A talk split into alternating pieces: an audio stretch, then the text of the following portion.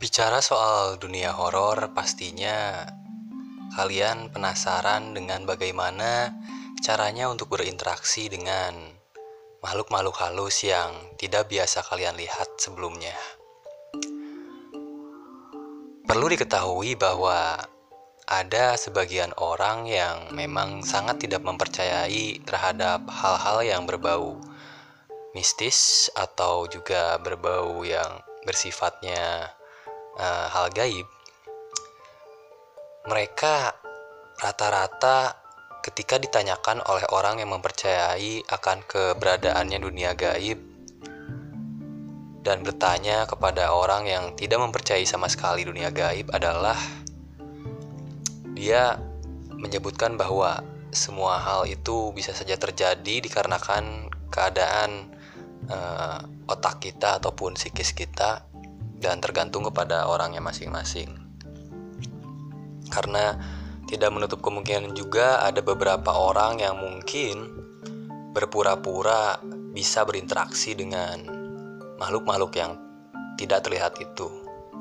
Dan bahkan mereka pun tidak tidak segan-segan untuk uh, memasukkan uh, jin yang berada di sekitar mereka dengan secara bergantian dalam artian beberapa makhluk jin yang bisa dimasukkan ke dalam tubuhnya. Nah, tapi gimana sih caranya kira-kira uh, untuk berinteraksi dengan mereka yang tidak terlihat atau masuk ke dalam dunia uh, mereka atau dunia astral? Nah, berikut ini gue bakal sedikit ngasih tahu kalian bahwa ada beberapa cara untuk kalian coba dan semoga kalian bisa berinteraksi dengan dunia astral dan beserta makhluk-makhluknya. Masih barengan gue Revi Aldi Fadilah dan berikut adalah pembahasannya. Ya, mungkin uh, kalian sering bertanya kepada orang yang memiliki kelebihan khusus seperti bisa melihat uh, makhluk-makhluk tak kasat mata. Gimana sih perasaannya ketika dia melihat uh, wujud yang mengerikan di setiap dia beraktivitas? Pasti jawabannya itu adalah sangat terganggu karena mereka pun yang memiliki kelebihan untuk melihat uh, dunia astral mereka pun mempunyai kelemahannya sendiri, sama seperti orang-orang awam yang e, ketika melihat penampakan dia akan spontan kaget atau bahkan ketakutan dan lari terbirit-birit.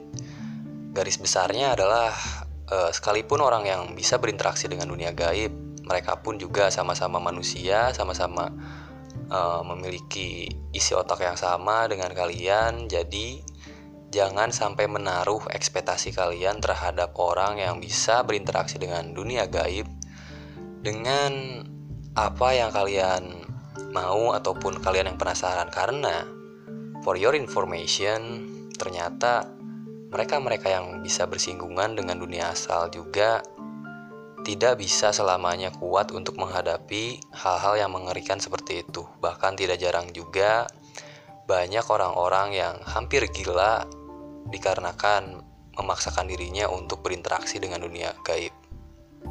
Nah, saran pertama dari saya jika kalian memang ingin ngotot melihat atau berinteraksi dengan dunia gaib atau dunia astral, coba kalian sering-sering uh, berada di dalam ruangan yang sepi, di kamar misalkan, matikan lampunya dan mencoba untuk berbicara di dalam hati kalian bahwa kalian ingin melihat salah satu yang ada di uh, sekitar kalian. Dalam artian kalian uh, mencoba untuk memanggil salah satu makhluk astral yang berada di lingkungan kalian. Di mana pun kalian berada tapi saya sarankan untuk berada di dalam ruangan yang sepi gelap dan ya sebisa mungkin tidak ada suara sedikit pun. Karena mereka yang tidak terlihat pun juga uh, bisa dibilang cukup susah untuk berinteraksi dengan orang-orang tertentu yang uh, tidak memiliki kemampuan untuk melihat mereka. Karena tidak sedikit juga banyak makhluk-makhluk gaib yang ketakutan ketika harus berinteraksi dengan manusia. Karena pada sejatinya manusia pun adalah uh, derajat yang tertinggi di mata Allah Subhanahu wa taala, di mata Tuhan dengan segala uh, kelengkapan yang manusia miliki sendiri-sendiri tentunya. Dan itu adalah cara yang pertama dan kedua, coba kalian pergi ke tempat-tempat yang menurut kalian atau menurut orang-orang di sekitar kalian itu adalah tempat yang angker seperti rumah-rumah kosong, wahana-wahana yang tidak terpakai lagi ataupun juga tempat-tempat yang jarang dijamah oleh manusia yang sangat tidak pernah dijamah oleh manusia satu orang pun.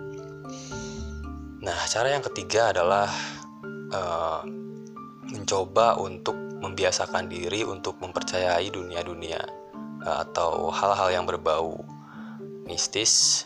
Karena percaya atau tidak uh, perlahan-lahan kalian pun akan mengerti bahwa dunia astral itu ternyata tidak semenyenangkan yang kalian pikirkan atau juga tidak sesimpel untuk berinteraksi dengan mereka kapan pun dan di mana pun kalian ada.